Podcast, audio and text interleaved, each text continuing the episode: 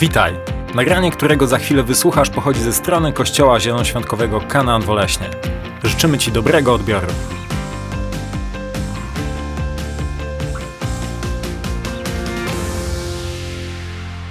Okej. Okay. Tydzień, tydzień, e, tydzień temu byłem w Pabianicach, byłem w Łodzi, później byłem cały tydzień w Warszawie. Wróciłem w piątek trochę otumaniony. otumaniony. I miałem w sercu jedno słowo, które Bóg chce nam powiedzieć dzisiaj do kościoła. I wczoraj wieczorem czytałem Biblię, i, i, i kiedy wieczorem czytałem Biblię, Bóg mnie tak poruszył a, takim fragmentem. Musiałem sporo walczyć z Bogiem, mówię nie, jutro to nie, to za tydzień, ale, ale słowo, które gdzieś Bóg włożył do mojego serca wczoraj, było niesamowite. Jakkolwiek, jakkolwiek zamierzam podzielić się tym, co Bóg wcześniej włożył do mojego serca, bo to jest dla, każdego z nas.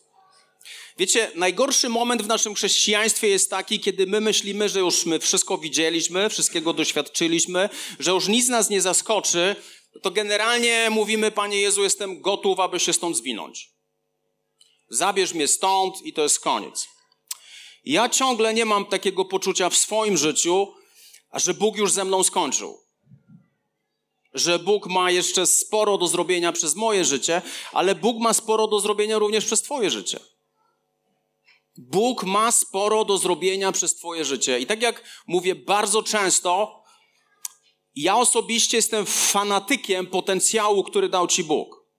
Nie jestem fanatykiem ani swojego charakteru, ani Twojego charakteru, ale jestem fanatykiem powołania, które dał Ci Bóg. I będę Ci kibicował do końca mojego życia, żebyś wypełnił to, co Bóg dla Ciebie ma. Dlatego, że prawda jest taka, moi drodzy, że każdy z nas jest liderem.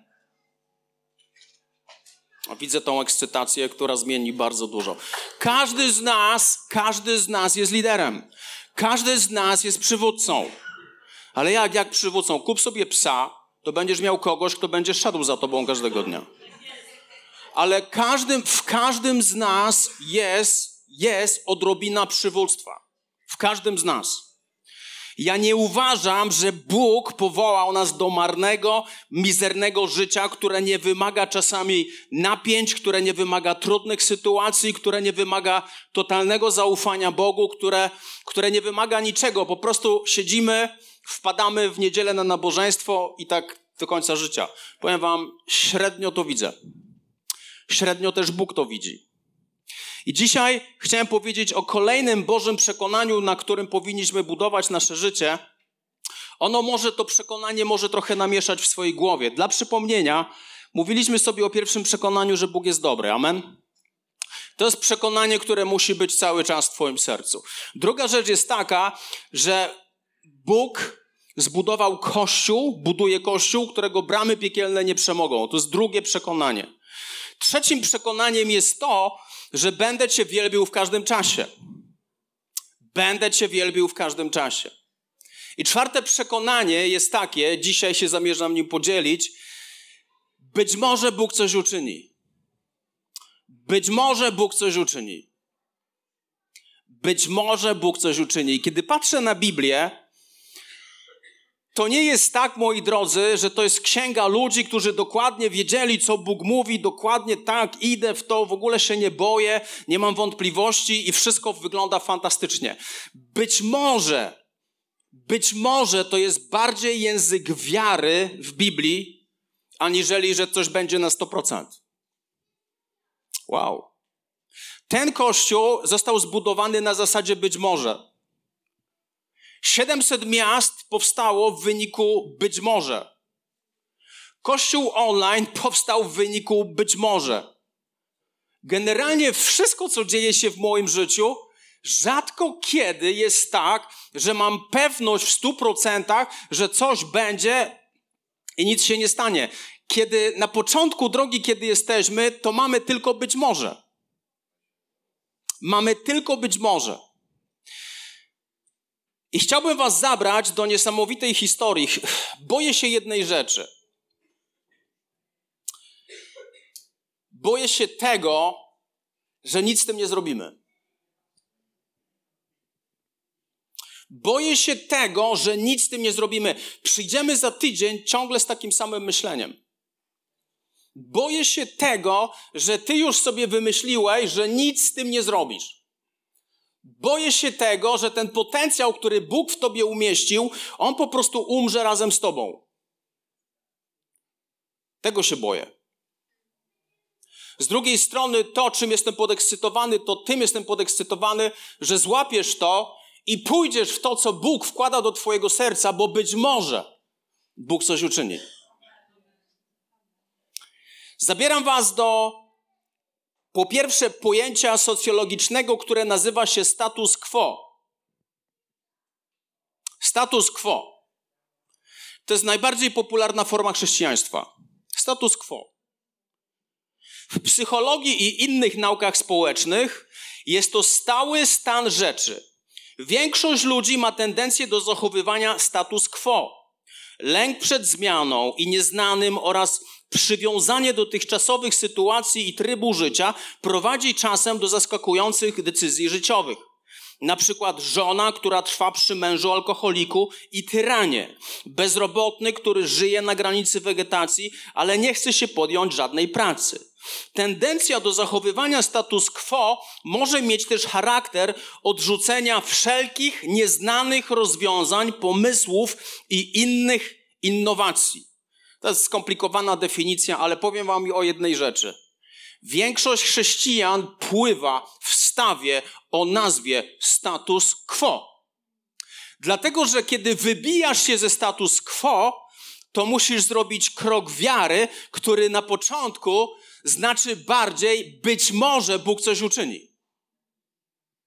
A może nie, a może tak. Pamiętacie, jak, jak przyjaciele Daniela, Szadrach, Meszach i Abednego, kiedy zostali ukarani, to powiedzieli do króla babilońskiego taką rzecz. Być może Bóg nas wybawi, a być może nas nie wybawi, ale królu wie co jednej rzeczy. My się nigdy nie pokłonimy przed Tobą, ani przed Twoim posągiem. Być może Bóg nas wybawi, a być może nie, ale przekonanie, które mieli ci trzej przyjaciele Daniela, było tak silne, że nie oni nie uklękli przed posągiem Nebukadnesara. Oni tego nie zrobili. A więc zabieram was w podróż która, która zaczyna się w pierwszej księdze Samuela w czternastym rozdziale. Sprzedam wam kontekst. Kontekst jest taki, że Izrael w tym czasie walczy z Filistynami. Nic nowego. Nic nowego, że walczy z Filistynami. I kiedy walczy z Filistynami, w pewnym momencie wszyscy się zmęczyli. I pierwsza księga Samuela 14 rozdział, wersety od 1 do 3 Biblia mówi tak. Pewnego dnia rzekł Jonatan, syn Saula, do swojego giermka. Jak ma na imię giermek? Jest bardzo dobre pytanie. On po prostu nazywa się giermek. Nikt nie wie, jak on się nazywa. Chodź, przeprawmy się ku czatom filistyńskim, które są po tamtej stronie. Lecz ojcu swojemu o tym nie powiedział. Saul zaś przebywał na skraju Gibei pod jabłonią granatową, która została przy klepisku, a wojowników było przy nim około 600. Historia jest taka, że Filistyni gotują się do walki gdzieś tam i będą atakować wcześniej czy później.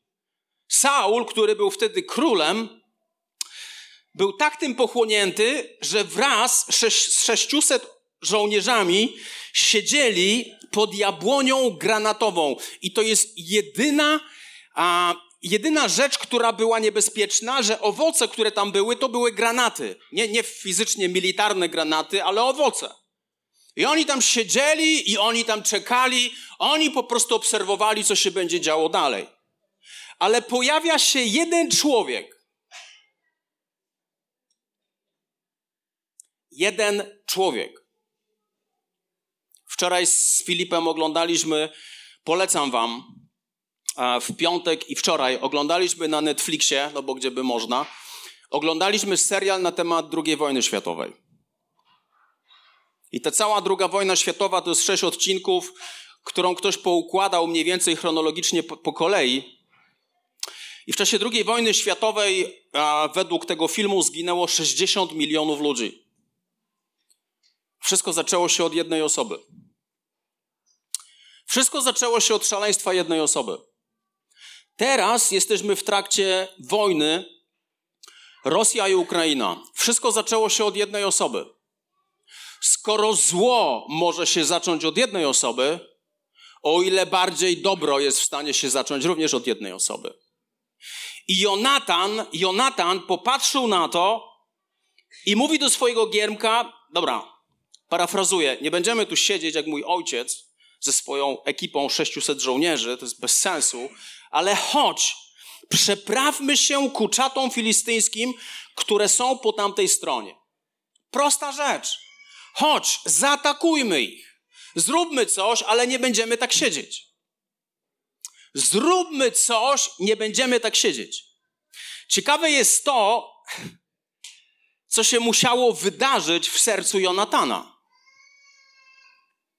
Jonatan po prostu patrząc na ten marazm, patrząc na to wszystko, mówi: Ja nie będę tutaj siedział, ja, ja chcę coś z tym zrobić. Było coś, co go bolało. Było coś, co go bolało. Bolała go pasywność swojego ojca razem ze swoimi żołnierzami i bolało go to, że ma siedzieć nic nie robiąc. Posłuchaj tego. To jest bardzo ważne zdanie. Co ciebie boli? Co ciebie boli i chciałbyś to zmienić? Gdybyś tylko mógł, co ciebie boli? Jaki jest Twój ból? Jaki jest Twój ból? Jaki jest Twój ból? Dlatego, że to wszystko zaczyna się od bólu. To wszystko zaczyna się od pasywności, od, od, od, pa, przestania patrzenia na pasywność. To wszystko zaczyna się od tego, że pojawia się w tobie mentalność, że ja, to nie może tak być. Ja muszę coś z tym zrobić. Ja muszę coś z tym zrobić. I pamiętam, kiedy zakładaliśmy ten kościół w Oleśnie, kiedy nie było nikogo tutaj z was. W sensie w kościele. To w moim sercu była niezgoda, że to miasto istnieje od XIII wieku i według mojej wiedzy nigdy w tym mieście nie było żadnego kościoła ewangelicznego. Wiecie, mnie to bolało. Coś, coś musimy z tym zrobić. Pamiętam, jak siedziałem i zacząłem sobie liczyć liczbę miast w Polsce i zacząłem sobie liczyć, w ilu miastach nie ma kościołów ewangelicznych. To mnie zaczęło boleć. I mówię, musimy coś z tym zrobić. I kiedy pojawiło się w mojej głowie, musimy coś z tym zrobić, wtedy Bóg uruchomił swoją pajęczynę różnych relacji, aby rzeczy mogły się dziać. Wiecie, to jest niesamowite, co Bóg robi. Minęło 10 lat, 700 miast. My w ostatnich kilku miesiącach dosłownie powstało 10 kościołów. To jest niesamowite. Powstało 10 kościołów. I to jest początek czegoś, co Bóg robi. Jako Kościół Zielonoświątkowy postanowiliśmy, że na, na przestrzeni kolejnych 10 lat chcemy założyć 400 kościołów. Chcemy założyć kolejnych 400 kościołów. Wiecie, to jest ból, który motywuje całe moje życie. Jaki jest Twój ból? Jaki jest Twój ból? Czym jesteś zmęczony? Czy lubisz sobie siedzieć w sercu, lubisz sobie siedzieć jak Saul ze swoimi przyjaciółmi, ze swoimi, ze swoimi żołnierzami? Hmm, fajnie, no, siedzimy, siedzimy, nic się nie dzieje, siedzimy. Czy, czy to na serio? To nie jest życie, do którego przeznaczył cię Bóg. Bóg nie przeznaczył cię do bierności. Bóg nie przeznaczył cię tylko do tego, żebyś co tydzień przychodził w niedzielę do kościoła, żebyś w miarę regularnie czytał Biblię. Biblia jest po to, aby Bóg mógł komunikować się z tobą, abyś złapał również Jego ból, który jest w Jego sercu. Ból, który jest również w Jego sercu. I On chce przetransmitować ten ból do Twojego życia. Dlatego, że w sercu Jonatana wydarzyło się dokładnie to samo, co wydarzyło się w sercu Nehemiasza. Nehemiasz, kiedy usłyszał o tym, że mur Jerozolimy jest zburzony, zaczął wołać do Boga: Boże, musimy coś z tym zrobić. Nikt inny tego nie zrobił, ale zrobił to Nehemiasz. Nikt inny tego nie zrobił, zrobił to Nehemiasz. Bóg złamał serce Mojżesza, kiedy ten widział, co się dzieje, jak Izrael jest ciemiężony w Egipcie. Mojżesz wiedział, że coś musi być z tym zrobione.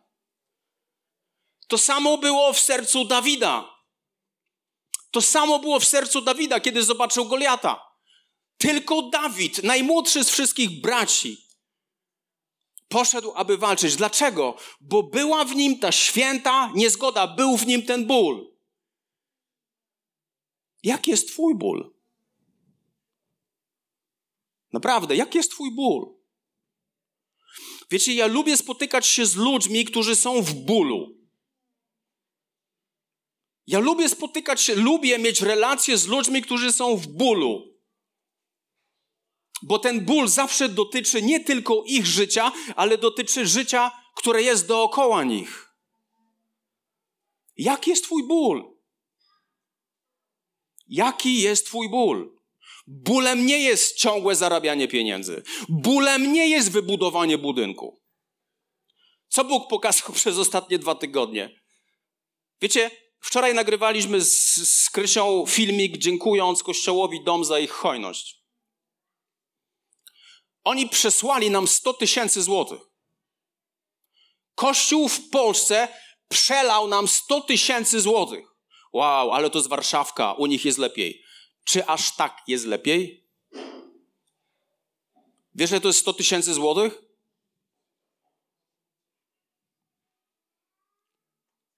I to jest pastor Szymon Kruba, który jest moim przyjacielem, który wyszedł przed kościół i przedstawił im nasz ból, który stał się ich bólem.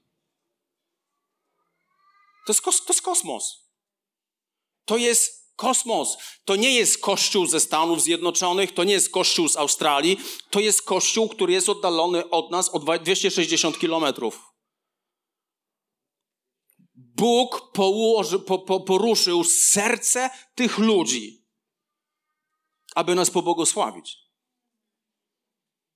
Wiecie, to jest dla nas mnóstwo pieniędzy w czasie budowy. To jest mnóstwo, mnóstwo pieniędzy.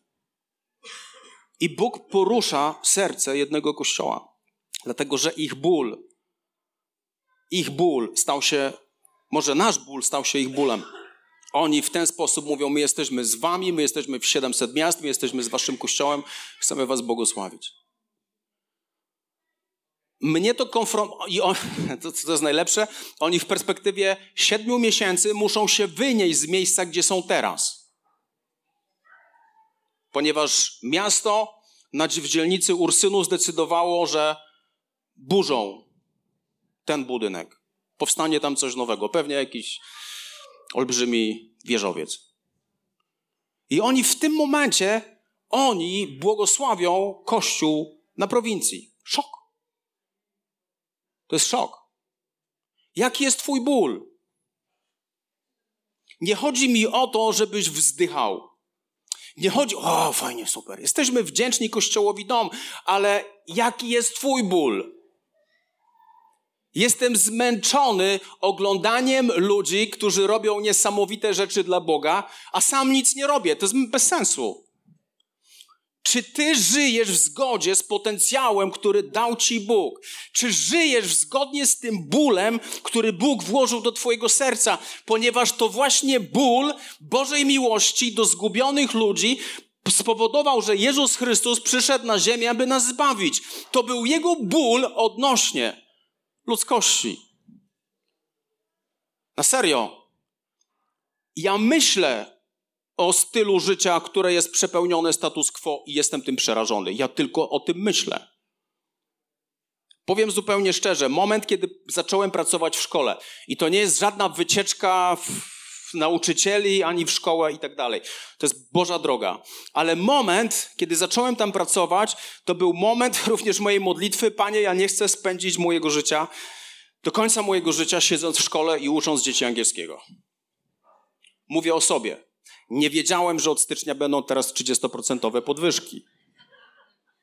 Wtedy, no bo to było dawno temu.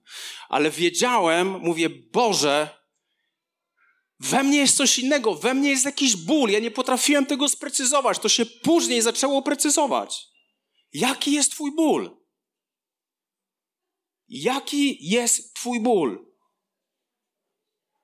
Bólem Nehemiasza były zburzone mury Jerozolimy. Bólem Mojżesza było ciemiężenie Egiptu względem Izraela. Bólem Dawida był Goliat. Bólem Jezusa Chrystusa byliśmy my. Jaki jest Twój ból? Widzisz, Bóg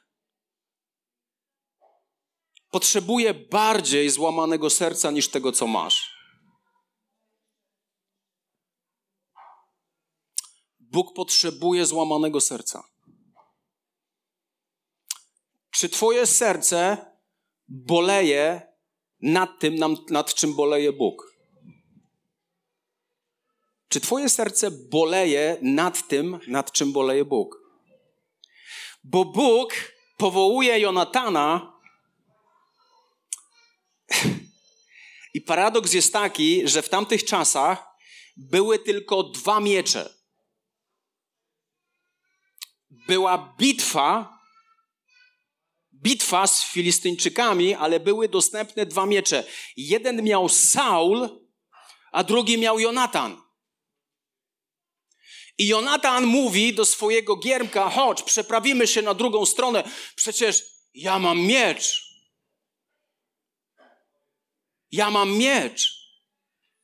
Paradoks polega na tym, że kiedy Bóg cię powołuje, kiedy Bóg łamie twoje serce, kiedy Bóg wytwarza ból w twoim sercu, to wystarczy, żebyś miał to, co masz. Mojżesz wyprowadził Izraela z Egiptu, mając co? Laskę, drewnianą laskę. Dawid pokonał Goliata mając proce. Czytaliśmy dzisiaj o tym, że chłopiec miał trochę chleba, kilka rybek i wszyscy się najedli. Bóg używa tego, co masz. Chrześcijaństwo, które, no, my byśmy też, to też, ja bym to zrobił, ale, ale, po ale już zaczyna się świat wymówek. Pamiętaj, po ale zaczyna się świat wymówek. To, co masz, wystarczy. To, co masz, wystarczy. Zadaj sobie takie pytanie. Co masz w swojej ręce? Co masz? Kiedy powstawał ten kościół, nie mieliśmy nic. Nic. Mieliśmy pasję dla Boga. Mieliśmy pasję dla Boga. Nie mieliśmy nic. Kiedy powstawało 700 miast, mieliśmy złamane serce, mieliśmy ból, ale nie mieliśmy nic. Jak ja cofnę się teraz 10 lat do tyłu i teraz, to jest przepaść. Teraz jestem na naczelnej radzie kościoła i biskup mówi: Sławek, podziel się tym, co się dzieje w 700 miast. I wszyscy, wow, wow. 10 lat później 10 lat później. To, co masz, wystarczy, aby rzucić wyzwanie bólowi, który jest przed tobą. Czy ty myślisz, że Bóg cię stworzył do tego, żebyś chodził do kościoła? Czytał Biblię i od czasu do czasu podekscytował się tym, że Bóg do ciebie przemówił. A może Bóg cię powołał do czegoś więcej? Być może Bóg cię powołał do czegoś więcej. Wiecie, przed nabożeństwem napisał do mnie na WhatsAppie mój znajomy z Niemiec, który jest pastorem kilkunastu kościołów w różnych miejscach. Ostatnio go spotkałem w sierpniu, siedzieliśmy, on jest Azjatą, Ostatnio, jak siedzieliśmy w jakiej restauracji azjatyckiej, on zamawiał, także jadłeś to, co naprawdę jest azjatyckie. Pokazywał mi filmik, kiedy weszli muzułmanie, weszli muzułmanie do jego kościoła i zdewastowali jego kościół, nikogo nie zabili, ale okaleczyli wiele ludzi w Indonezji. I my siedzieliśmy i jedliśmy sobie jedzenie. Skracam historię. On dzisiaj przed nabożeństwem pisze do mnie, mówi Sławek, pojedź ze mną do Indonezji w 2024 roku. Okej. Okay. Tam chrześcijaństwo nie jest legalne. To jest kraj muzułmański. Ale z drugiej strony, dlaczego nie? Z drugiej strony, dlaczego nie? I to jest coś, co się pojawia w czternastym rozdziale pierwszej księgi Samuela, szósty werset, gdzie Jonatan rzekł do swojego giermka: Chodź, przeprawmy się ku czatom tych nieobrzezańców. Może Pan, może, może Pan uczyni coś dla nas, gdyż Panu nie trudno wybawić przez wielu czy przez niewielu. Być może. Oj, chodź, chodź, chodź, Giermku, mój drogi. Nie wiadomo, jak masz na imię, jesteś moim giermkiem, tak o tobie później napiszą. Chodź, przeprawimy się na drugą stronę, bo ja mam w stu procentach słowo od Boga, że zwyciężymy. Nie. Jonatan w ogóle czegoś takiego nie miał.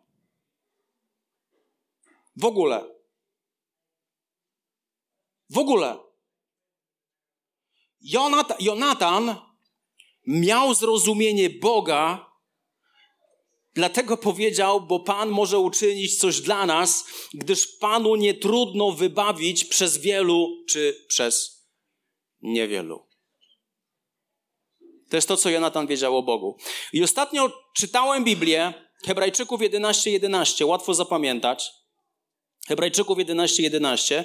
Dzięki wierze również sama Sara, niepłodna, otrzymała i to pomimo podeszłego wieku moc poczęcia, gdyż uznała tego, który złożył obietnicę za godnego zaufania.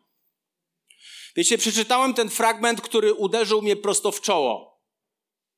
Sara nie była fanatykiem obietnic. Sara była fanatykiem tego, który daje obietnicę. A to jest potężna różnica. Sara nie była fanatykiem obietnic. Sara była fanatykiem tego, który daje obietnicę. I powiem ci tak. Czasami, aby przeprawić się na drugą stronę, aby rzucić wyzwanie status quo, nie potrzebujesz jakiegoś super, hiper słowa od Boga, aby to zrobić. To, czego potrzebujesz, to potrzebujesz mieć zrozumienie Boga i spytanie, Boże, czy Ty chcesz, żebym to zrobił?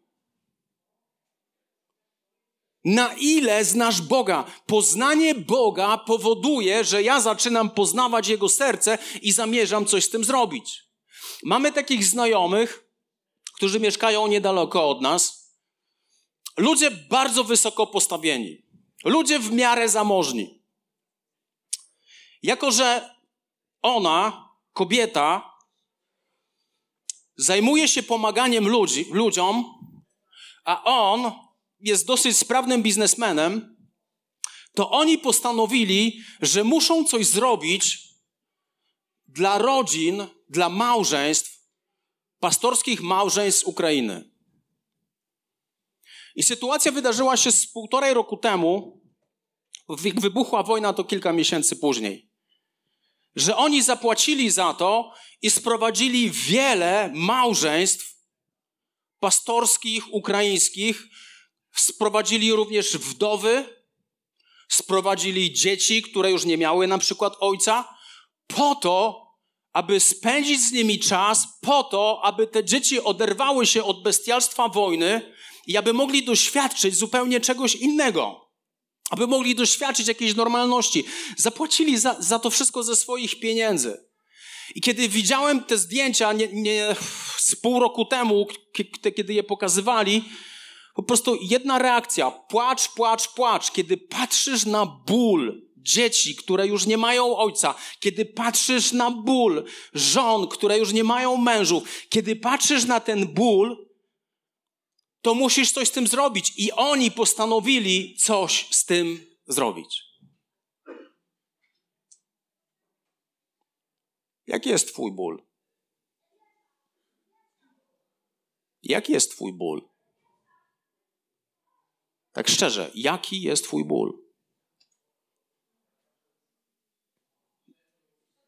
Nie chodzi o to, abyś ciągle chodził do kościoła. Chodzi o to, abyś zaczął dotykać się bólu w życiu ludzi i zaczął coś robić w tą stronę. Fajnie, my budujemy ten budynek. Powiem Wam, dla kogo budujemy ten budynek. Dla naszych dzieci i budujemy ten budynek dla ludzi, których jeszcze tam nie ma, których jeszcze nawet tutaj nie ma. Budujemy ten budynek po to, aby ludzie mogli przyjeżdżać. My chcemy im pomóc, aby został zaspokojony ból, który jest w wielu miastach w tym kraju. Po to, tu nie chodzi o nas. Pewien, pewien pastor powiedział do mnie: No, super, wybudujecie ten budynek, będziecie kimś. Stary, to teraz jestem nikim? Czyli jak mam budynek, to jestem kimś, a jak nie mam budynku, to jestem nikim. Nie, nie, wiesz, wtedy, wtedy ludzie będą cię uznawać. Co? Co? Ten budynek powstaje, aby odpowiedzieć na ból. Aby odpowiedzieć na ból. Tu w ogóle nie chodzi o mnie. Tu w ogóle nie chodzi o nas. Tu chodzi o ludzi, którzy dzisiaj wołają do Boga: pomóżcie nam. W Biblii jest fragment, kiedy Paweł miał widzenie i w tym widzeniu zobaczył Macedończyka, który wołał: Pomóżcie nam, pomóżcie nam. I Paweł wraz z apostołami doszli do wniosków, że chyba Macedonia potrzebuje pomocy. Chyba potrzebuje pomocy. Tam to nie było stop. Oni wywnioskowali, że Macedonia potrzebuje pomocy. W tym kraju jest wiele miejscowości, które wołają: pomóżcie nam. Wiecie, teraz powstanie czternasty kościół zielonoświątkowy we Wrocławiu. Fajnie, chwała Bogu. Ale w Koziej Wólce jeszcze go nie ma. Ale w wielu moich miejscowościach ciągle go nie ma. Ale w wielu miejscowościach ciągle go nie ma. Jaki jest Twój ból? Jaki jest Twój ból? Czy chcesz żyć dalej tak, jak żyjesz i kapnąć się za 10 lat? Gdzie mi minęło to 10 lat? Straciłem 10 lat. Wiecie, nie będzie powtórki. Nie będzie już powtórki. Bóg ci już nie pozwoli, ani natura ci nie pozwoli, abyś przeżył kolejne 10 lat jeszcze raz. Jaki jest Twój ból? Jaki jest Twój ból? Być może, mówi Jonatan, Bóg coś uczyni. Dlatego, że nasz Bóg jest Bogiem, który może uczynić, wybawić przez wielu czy przez niewielu. Jeśli Bóg coś mówi do ciebie i masz wątpliwości, to witaj w klubie biblijnym. Mamy złe wyobrażenie. Ludzie, którzy funkcjonują w Bożym Słowie, bardzo często mieli wątpliwości odnośnie tego, co mają zrobić dla Pana Boga. Bardzo często. Odczuwali ból, szli za tym, ale nie mieli nigdy 100%, że to się stanie na 100%.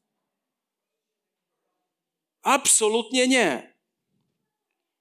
Kiedy Bóg łamie ci serce,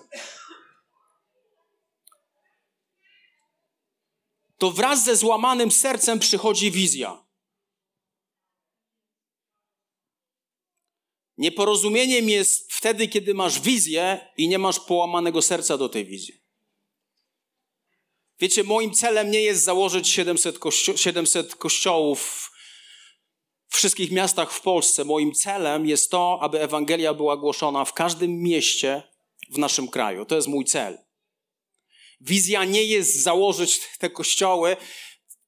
Takim wyrazem złamanego serca jest to, aby ratować ludzi.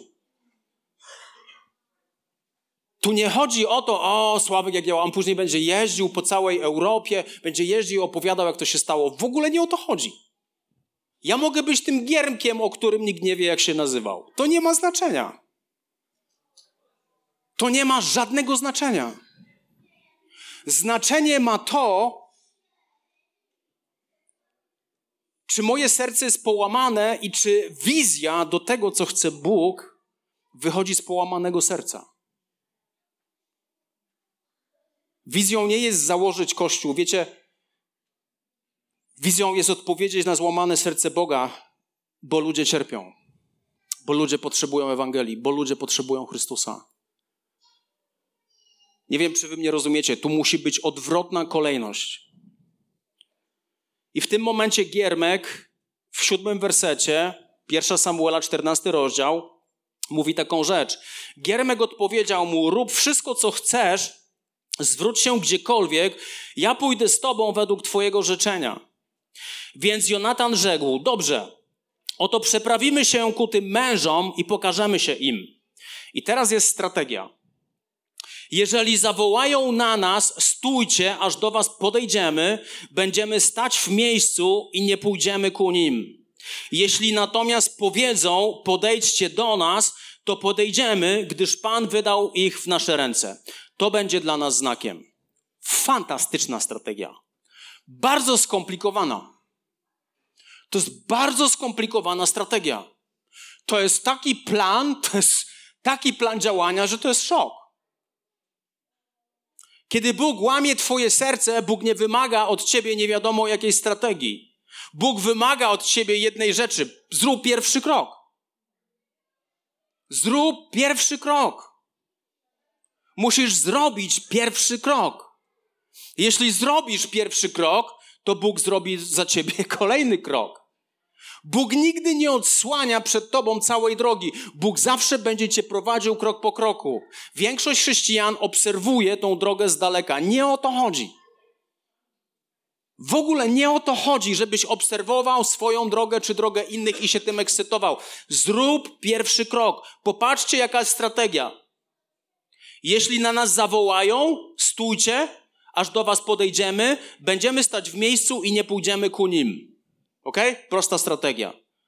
Jeżeli natomiast powiedzą, podejdźcie do nas, to podejdziemy, gdyż Pan wydał ich w nasze ręce. To będzie dla nas znakiem. Bum! Proste. Banalnie proste. No właśnie, to jest proste. Bo Jonatan miał coś w sercu, co złamało jego serce, że on się z tym nie zgadzał. Mówi, musimy coś z tym zrobić. Bóg bardziej szuka złamanego serca niż szuka strategii. Bóg nie szuka strategów, Bóg szuka ludzi ze złamanym sercem. Jaki jest Twój ból? Do czego Bóg połamał Twoje serce? Aby przetrwać kolejny rok. Naprawdę? Ja na 10, 10. Jezus mówi: Ja przyszedłem, aby dać Wam życie w obfitości. Ta obfitość to jest przede wszystkim spełnienie, to jest satysfakcja, to jest radość z tego, że moje życie ma sens. Tu nie chodzi o pieniądze, tu nie chodzi o samochody, tu nie chodzi o dom. To jest, to jest w ogóle to jest marność. Chodzi o to, żeby robić coś, co napędza moje życie. Abyś miał to poczucie, Boże, robię coś, do czego mnie stworzyłeś. To jest bolesne, to jest trudne, ale robię coś, do czego mnie stworzyłeś. Jaki jest Twój ból? Jaki jest Twój ból?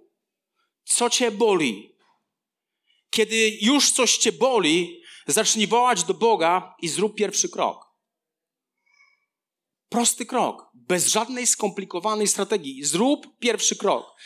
I ciekawe jest to, chciałem Wam to pokazać na filmiku, że niesamowite rzeczy się dzieją, kiedy robimy pierwszy krok.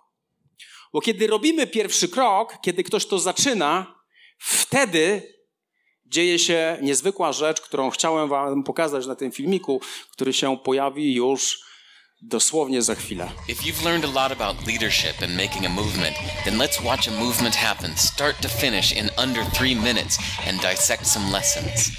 First, of course, a leader needs the guts to stand alone and look ridiculous. But what he's doing is so simple, it's almost instructional. This is key. You must be easy to follow. Now, here comes the first follower with a crucial role. He publicly shows everyone else how to follow. Notice how the leader embraces him as an equal.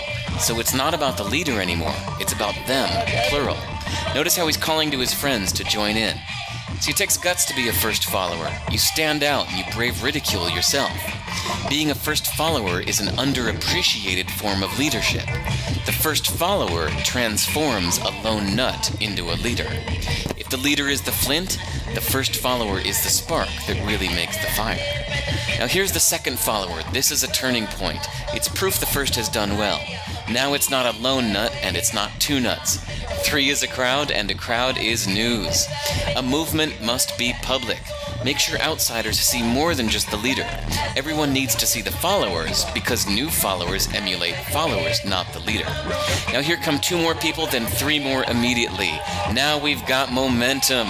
This is the tipping point, and now we have a movement. As more people jump in, it's no longer risky. If they were on the fence before, there's no reason not to join in now.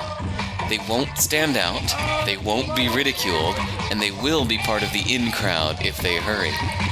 And over the next minute, you'll see the rest who prefer to stay part of the crowd, because eventually they'd be ridiculed for not joining. And ladies and gentlemen, that is how a movement is made. So let's recap what we've learned. If you are a version of the shirtless dancing guy, all alone, remember the importance of nurturing your first few followers as equals, making everything clearly about the movement, not you. Be public, be easy to follow. But the biggest lesson here, did you catch it? Leadership is overglorified. Yes, it started with the shirtless guy, and he'll get all the credit, but you saw what really happened. It was the first follower that transformed a lone nut into a leader. There's no movement without the first follower. See, we're told that we all need to be leaders, but that would be really ineffective. The best way to make a movement, if you really care, is to courageously follow and show others how to follow. When you find a lone nut doing something great, have the guts to be the first person to stand up and join in.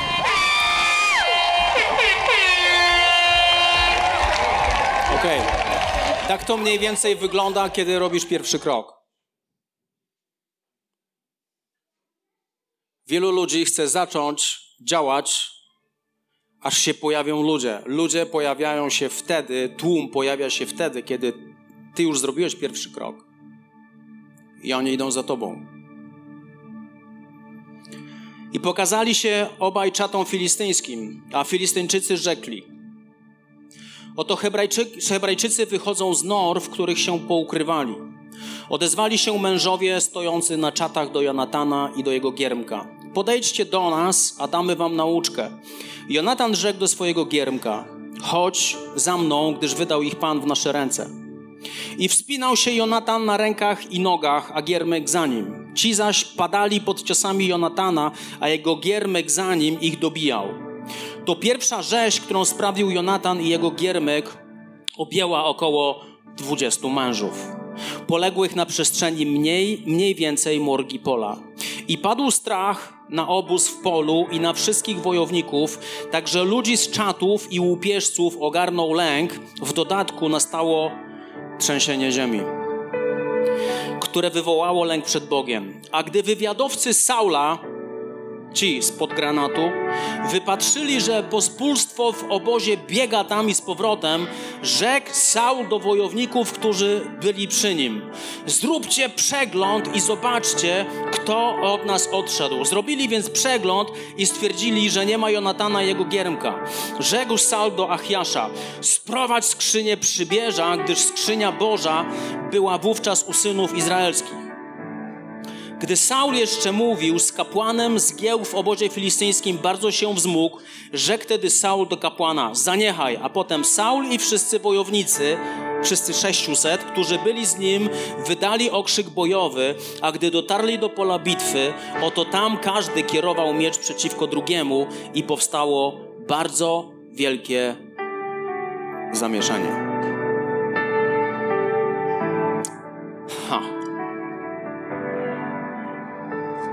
Jest jedna prawda Bożego Królestwa. Ludzie nie dołączają do ciebie na początku. Ludzie dołączają do ciebie, kiedy zrobisz pierwszy krok.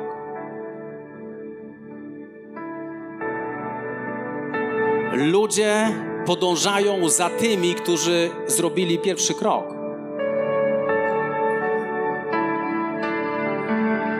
Wtedy zaczyna Saul się budzi, mówi: Tak, idźmy, pomóżmy im, działajmy z nimi. Jaki jest Twój ból? Jaki jest Twój ból? Zabiorę Cię daleko. Bardzo daleko. Idą święta, ale przykład jest właściwy. Budzisz się rano i lekarz ci mówi: Dzisiaj pan umrze. Już nic nie zrobisz. Czekasz. Już nic nie zrobisz. Czekasz. Za kilka, kilkanaście godzin cię już nie będzie. Uwierz mi, że to nie jest moment, kiedy ty przeglądasz maile, co jest teraz na Netflixie. To nie jest moment, kiedy oglądasz Sejm na YouTubie. To nie jest moment, kiedy martwisz się, gdzie pojedziesz teraz na wakacje. To jest moment, kiedy zadasz sobie jedno bardzo ważne pytanie.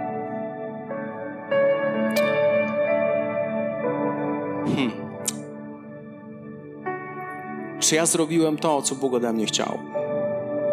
Jeśli jesteś chrześcijaninem, to zadasz sobie to pytanie: czy ja zrobiłem to, co Bóg ode mnie chciał?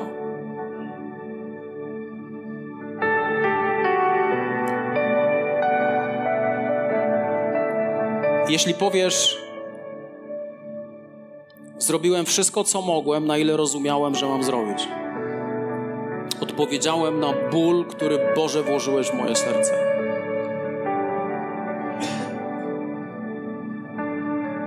Będziesz mógł spokojnie umrzeć.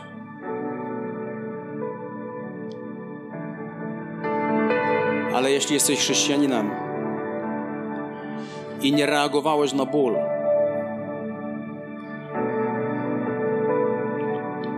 to jest to przerażająca wizja. To nie, ja nie mówię, jeśli oddałeś swoje życie Jezusowi Chrystusowi, Biblia ci obiecuje, że będziesz zbawiony. Tu nie jest kwestia zbawienia. To jest kwestia obejrzenia najgorszego filmu, jakiego jesteś w stanie zobaczyć. Jak mogło wyglądać moje życie. I tutaj dochodzimy do paranoi powołania. Co z tego, że nad moim życiem jest powołanie, jeśli ja nic z tym nie robię? Tak szczerze. Co z tego? Twoje powołanie, Twój ból, który Bóg włożył do Twojego serca,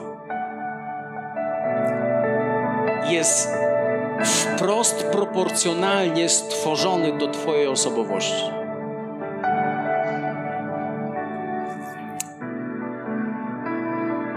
Wiecie, ja im dłużej żyję, tym więcej mam wątpliwości odnośnie tego, czy, czy Panu Bogu się nie pomyliło. Im dłużej żyję. Dlaczego? Tym bardziej jestem świadomy swoich błędów, porażek, błędnych decyzji, błędnych zachowań, niewłaściwych rzeczy, niewłaściwych słów. Wydaje mi się, że mam dużą samoświadomość siebie i tego mówię, Boże, to musisz być Ty. To musisz być Ty. Bo ja bym sam siebie nie wybrał. Ja bym sam siebie nie powołał do tego.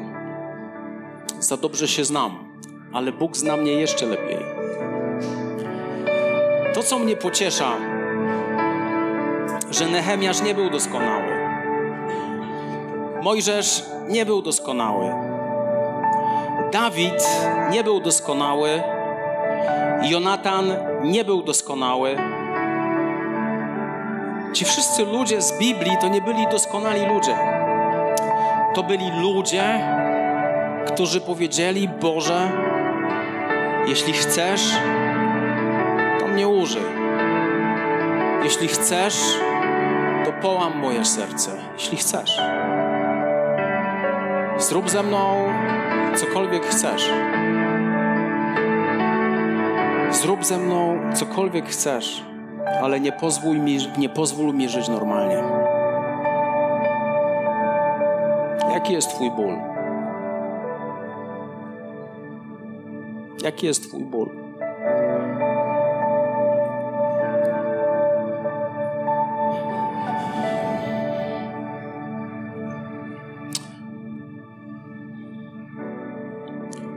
Wiecie, Kościół Jezusa Chrystusa to nie jest grupa ludzi, która została powołana do niedzielnego chrześcijaństwa.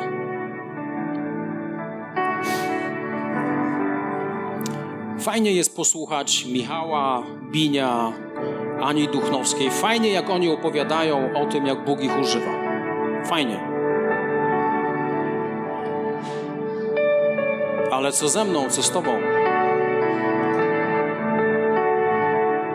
Dzisiaj tak się złożyło.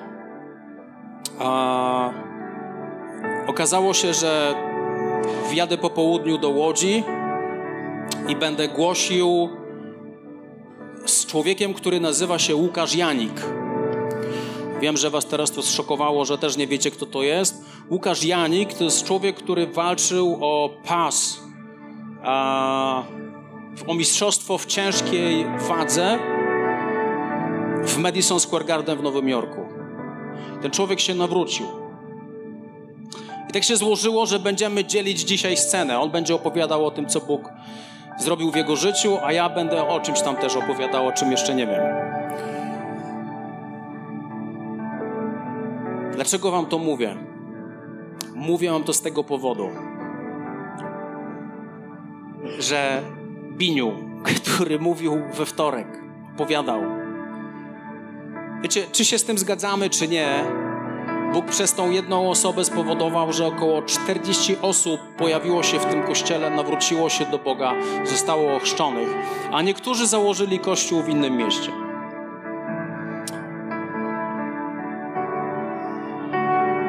I temu Biniowi, który poświęcił czas, aby trochę posłuchać Pana Boga, wczoraj rano, nagle okazało się, że jest człowiek, który wręcz próbuje się wbić do Bożego Królestwa i on jedzie z nami dzisiaj do tej łodzi. Żeby posłuchać Łukasza Janika, a po drugie, żeby spędzić 4 godziny w samochodzie z nami. Jeśli jest ból w tobie jakikolwiek, Bóg będzie przyciągał zranionych ludzi do ciebie bo Ty możesz powiedzieć im, jaka jest, ich, jaka jest odpowiedź na to, co dzieje się w ich życiu. Jaki jest Twój ból? Jaki jest Twój ból?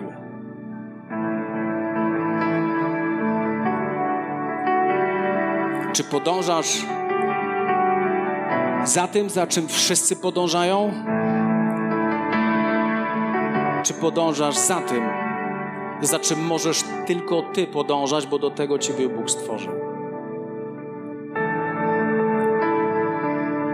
Albo siedzisz pod granatem, albo siedzisz i mówisz: Musimy coś z tym zrobić. Musimy coś z tym zrobić. Paweł powiedział: Niewielu między Wami jest mądrych.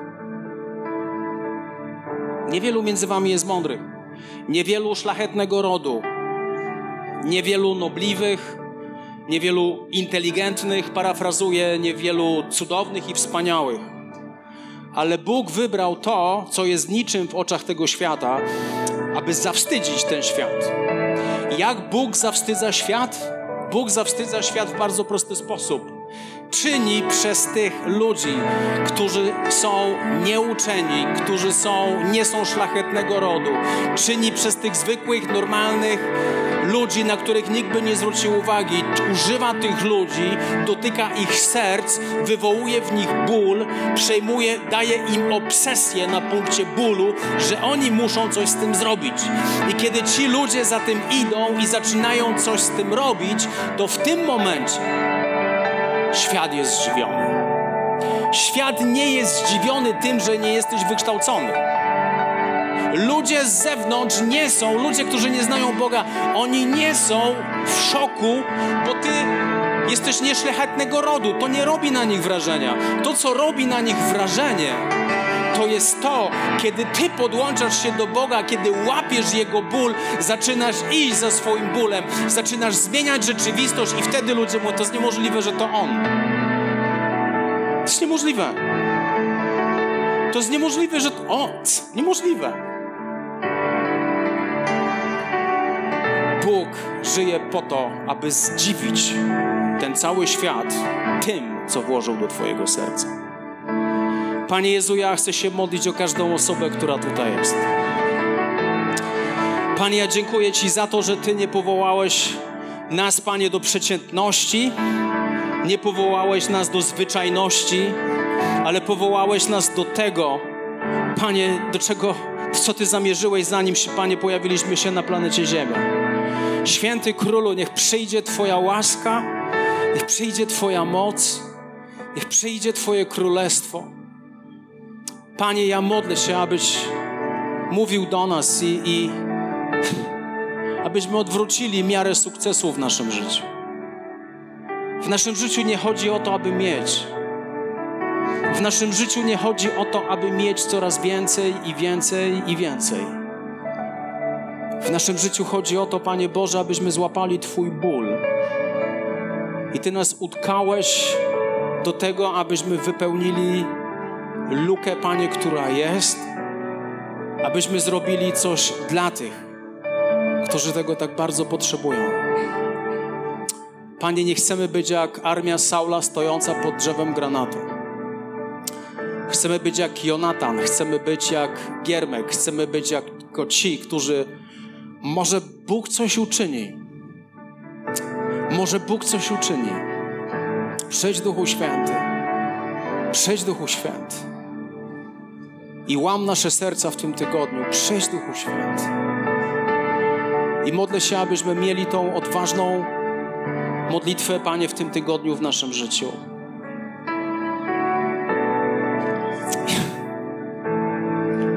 Jaki jest nasz ból, Panie? Jaki jest nasz ból? By zaczął łamać nasze serce. Tutaj, kochani, nie chodzi o to, że staniesz się nagle liderem, przywódcą jakiegoś potężnego ruchu, który będzie miał wpływ na całą Polskę. To w ogóle nie chodzi o to. Być może Bóg połamie Twoje serce względem Twoich sąsiadów, Twoich znajomych z pracy. Być może Bóg połamie Twoje serce względem ludzi, których mijasz codziennie, że będziesz musiał coś z tym zrobić. Panie, ja modlę się o Twoją łaskę, ja modlę się o Twoje błogosławieństwo, Królu. Święty Panie, Święty Panie, łam nasze serca. I ja modlę się, aby ten przyszły rok był dla nas rokiem, kiedy będziemy oglądać, jak bierzesz nas i używasz nas, Panie, dla swojej chwały. Kiedy będziemy szukać nie tego, co my chcemy, ale będziemy szukać tego, co Ty chcesz. Kiedy nie będziemy się krzątać wokół tego, co, co tylko nasze, ale będziemy zajmować się tym, co dla Ciebie jest ważne. Panie Jezu, ja modlę się, abyś mówił do nas bardzo intensywnie. Abyś mówił do nas bardzo intensywnie. Niech przyjdzie Twoja łaska. Niech przyjdzie Twoja moc. Niech przyjdzie Twoje królestwo, Panie. Amen. Życzę Ci totalnie niespokojnego tygodnia.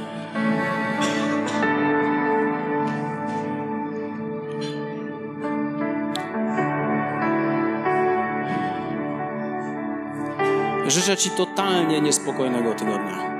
Życzę Ci tygodnia, kiedy nie będziesz mógł normalnie spać, ponieważ będziesz myślał o tym, czego Bóg chce od Ciebie. Będziesz zastanawiał się nad tym, co Bóg wkłada do Twojego serca. Będziesz zastanawiał się nad bólem, który Bóg włożył do Twojego serca.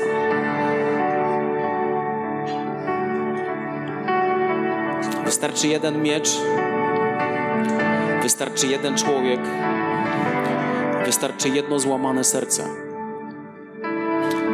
aby zmienić życie wielu ludzi.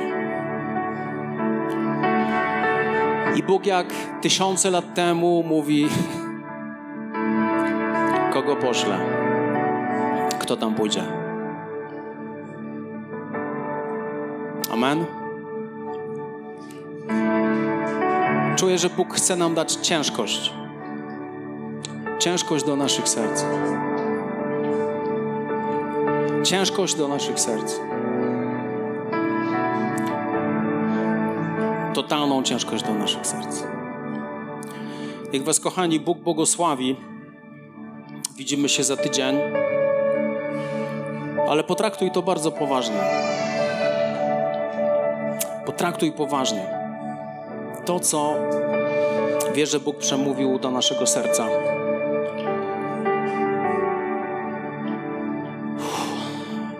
Niech Was Bóg błogosławi. Zostańcie z Bogiem. Witaj ponownie. Dziękujemy za wysłuchanie tego nagrania i mamy nadzieję, że pomoże Ci ono zbliżyć się do Boga. Jeśli dziś podejmujesz decyzję o zaufaniu Jezusowi i uznaniu Go Twoim Zbawicielem, to chcemy Ci pogratulować.